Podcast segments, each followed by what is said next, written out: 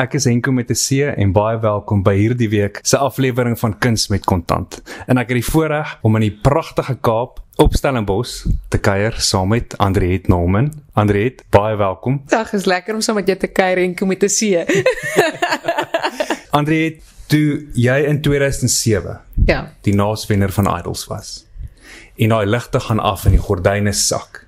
Hoe het jy geweet wat om volgende te doen? Het hulle jou toegerus en vir jou gesê, "Goed Andriet, hier's vir jou plate kontrak en ons gaan vir jou die res doen." Want ek is seker die harde werk het nie toe opgehou nie. Ja, mens weet jy eintlik op daai oomblik wat om te doen, jy's so oorweldig want nou het jy in hierdie kompetisie tweede gekom wat ek van die begin af eers geweet het ek gaan ek gaan kom en dit was vir my so half net lekker om daar te wees. En dadelik het hulle na die tyd na my toe gekom en gesê, "Oké, okay, plate kontrak nou, maar Afrikaans, ek gaan Afrikaans sing." Wat ek so bietjie bly oor was want ek het so bietjie gesukkel met die Engels praat. maar ek was nog 21 op daai stadium so vir my was dit so bietjie van 'n 'n aanpassing definitief. Dis soos 'n mens is nog eers half 'n groot mensie en nou moet jy al hierdie wêreld betree waar jy half op jou eie is want jy word dadelik gesê trek so naby as moontlik aan die maatskappy Johannesburg en Pretoria toe en ek weet ek kom van die Kaap af en ek doen dit toe. Ek dink ook is dit 'n goeie groei proses vir my want toe ek nou eers daartoe trek dan raak mens dadelik 'n groot mens. Jy moet vir jouself begin sorg, jou eie rekeninge betaal, al daai goed. Maar ja, definitief nooit gereed vir so iets en, en ook die, die mense wat na mense toe kom en al daai goed, dit was vir my 'n groot skok op my stelsel en ek dink vir my ouers ook. en toe jy nou moes optrek Gauteng toe het hulle vir jou behuising gereël, 'n kar gereël, enige iets 'n soortgelyks aan dit gereël of het hulle suiwer net gekyk na jou talent en jou musiek? Nee, ek het daarom in, in Idols het hulle daai jaar vir my en vir Jody elke 'n kar laat wen. So ons altyd 'n kar gekry wat wonderlik was want toe het ek daarom 'n kar. Maar ek onthou daar in Johannesburg, ek het begin bly by mense in 'n hout soos 'n woonstelletjie amper agter hulle huis.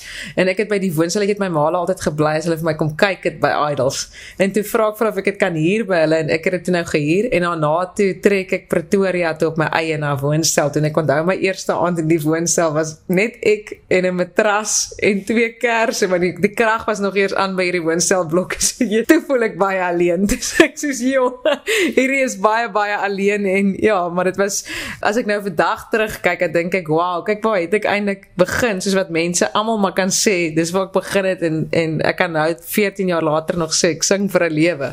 Ja dit is wonderlik. Maar is dit nie ironies dat jy so in daardie begin dae van jou loopbaan. Kort nadat jy daardie kontrak gekry het. Op 'n matras in 'n klein woonstelletjie gewoon het en tot te mate eensaam gevoel het vir daai ja. eerste paar weke. Baie. maar tog het jy op al die voorblaaie van die koerante en die tydskrifte gepronk. Ja, ek dink dis wat baie keer mense het so prentjie van en dis dis amper soos vir my in die lewe ook. Mense het 'n verkeerde prentjie van iemand altyd en as as iemand kan baie meer alleen wees as wat jy dink hy is.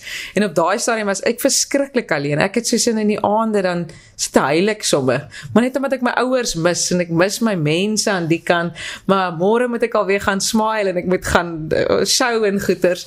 Maar toe besluit ek na 'n jaar nee, ek kan nie so alleen wees nie. Ek moet terugtrek Kaap toe en as dit dan nie verder vir my gaan uitwerk nie, moet dit maar nie maar ek wil naby my mense wees en toe trek ek terug en ja, tot vandag toe is ek nou nog hier in die Kaap. En Andre het julle is 'n huis wat gevul is met liefde in julle gesin. Daar's 3 seuns in die huis. Ja. Hoe is dit om vir daai 3 jong manne in julle lewe te sorg want dit moet 'n besige huishouding wees. Dit is nogal besig en dit raak nou al hoe besigger nou dat die twee kleintjies groter word. Ek dink jy mens kan die liefde verduidelik wat 'n kind eintlik vir jou gee nie. Daai daai onskuldige opregte liefde. En dan wens mens mens kan dit eintlik deur jou hele lewe dit betoon. Daar's geen grense nie. Dit is soos hy gee dit opreg reg en 100% dat nou ja, is hy terughoudend nie. En ek dink met my kleintjies veral, hulle kyk in jou gesig as hulle, "O mamma, so mooi." Dis ek sê, "Maar ek lyk eers op daai spesifieke dag mooi nie, maar hulle kan jou so oplig." So daai klein seentjies kyk jou in die oë en sê vir jou mamma jy is so mooi vir ons en dan hoef jy nie eers diamante of juwele aan te hê nie ja. maar jou eerste album was getiteld Diamant. Ja. Hou jy en jou man van mooi goed in die lewe? Weet jy ja, ek dink dit is nou so simpel om dit eintlik te sê maar my ma het altyd so opgelees oor die sterre tekens dan sê sy ja maar die weegskaal mense hou van mooi goed. Oral waar jy lees, hulle die weegskaal mense hou van mooi goed, maar ek hou nie noodwendig van mooi goed op 'n manier van wêreldsgoed en diergoed nie. Ek hou van mooi goed wat mens kan skep skepende mooi goed soos om byvoorbeeld 'n kas te waardeer wat oud is en om bietjie nuut te maak of my huis mooi te maak nie met diergoed nie maar ek sal gaan opkyk by antieke plekke en sulke tipe goed gaan soek op daai manier mooi. So ek waardeer die mooi in nostalgie eintlik. Dit is eintlik my mooi is vir my is is die ouer goeder goed wat my terugvat na my kinderjare toe en daai goed. En is daar 'n groot ouderdomsverskil tussen jou en jou man? Gepraat van ouer goed in die lewe? Hy's net 'n jaar ouer as ek en hy's net 2 cm langer as ek. so al is hy nou 2 cm langer as jy en 'n jaar ouer as jy, vorm julle 'n hegte span as dit kom by julle persoonlike finansies in die huis. Ja. Gooi julle alles saam in een pot en bestuur dit saam. Ja, hy het altyd so 'n lyntjie ook wat sê, as ek sê ja, ek het nou hierdie betaal met my geld. Ja. As hulle sê nee, dis nie jou geld, dis ons geld. Dan dink ek aan my agterkom, nee, dit is eintlik my geld. of as hy iets betaal, as ek vir hom sê ek sou vir jou helfte betaal, as hy sê nee, maar dis ons geld. Dan pas dit dom. Ja, so ek dink vir hom is dit soos van alles wat ek en hy saam doen is onsin. En dit is baie keer vir my baie mooi dat hy so dink want met elke liewe ding wat hy aanpak, nie net finansies, hy sien dit as dis altyd 'n ons, dis nie net 'n ek en jy nie. Gehegte span. Ja, definitief. Ek dink ons almal weet nou al teen hierdie tyd dat 'n kunstenaar kan nie meer skatryk word uit aanlyn strome ja. en die aantal kere wat een van jou liedjies geluister word nie. Ja. Maak 'n kunstenaar sy geld deesdae maar meestal suiwer net uit vertonings uit. Ja, definitief. Ek dink die hoeveelheid kere wat 'n liedjie moet gestroom word, as ek dit nou ek, ek praat nou onder korreksie. Ek dink is iets soos 11000 keer voor dit gelyk staan is aan een liedjie wat op 'n CD sou gewees het. wat nogal belaglik is. Ja. So ek dink definitief ons inkomste kom definitief meer uit ons shows uit. Maar dit was maar nog eintlik nog altyd so omdat dit meer uit jou vertonings uitkom en ek dink ons is net nou soveel meer dankbaar want na hierdie hele COVID ding ook het ons almal meer werk as van tevore. Ek dink tot mense wat lanklaas musiek uitgebring het, het meer werk. Want ek het met myself ook gevoel ek het soos byvoorbeeld lanklaas iets uitgebring en mense boek my nog steeds en nou het ek weer musiek uitgebring so dit nou voel ek so half ek verdien het want ek het dan vir hulle iets nuuts gegee. Ja, dis ek maar. Maar ja, ek dink die kunstenaars deur die bank is baie dankbaar omdat hulle tot mense wat nou net begin het en iemand sien hulle raak of word hulle sommer oral gebruik. So dit is vir my wonderlik dat mense nou so oral sing en almal kry shows.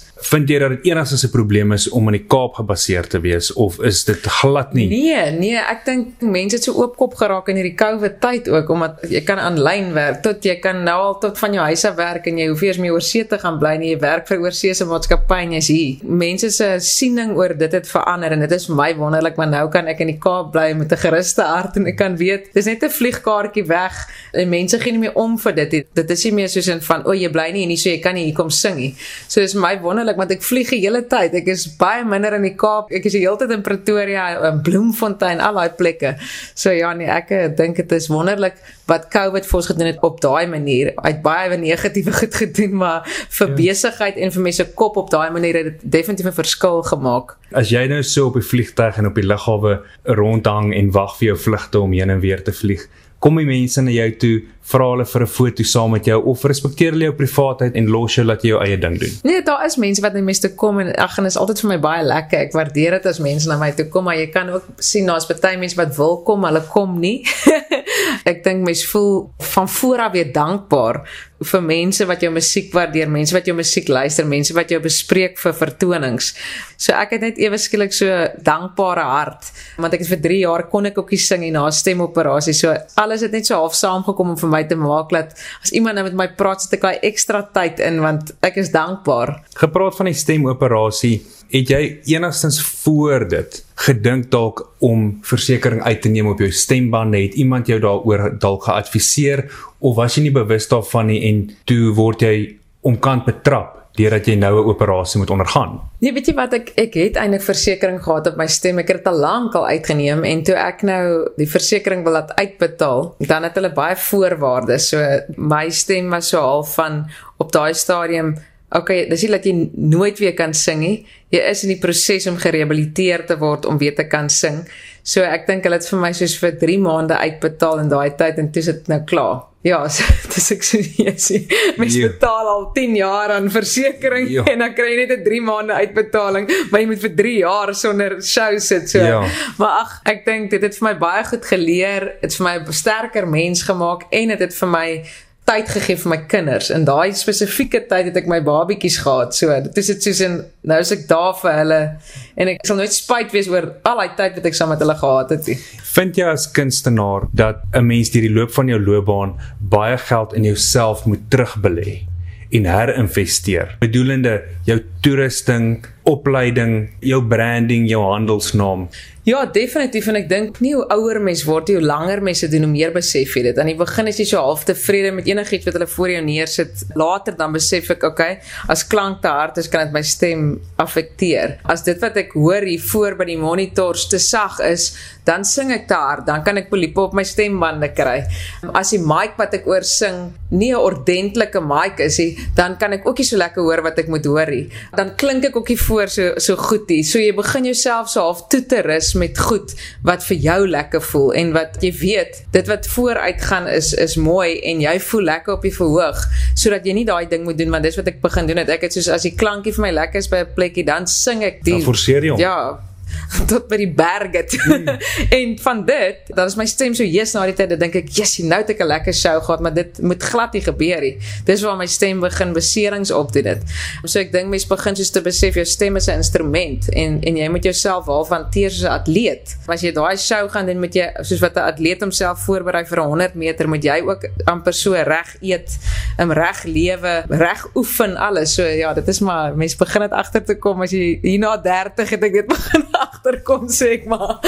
En met jou nuutste enkelsnit wat jy nou vrygestel het getiteld Sonder liefde, bewys jy maar weer eens vir ons dat 'n mens kan nie sonder liefde nie en dis hoekom jy Nee. toe teruggekom het Brackenfell toe waar jy groot geword Ja. het.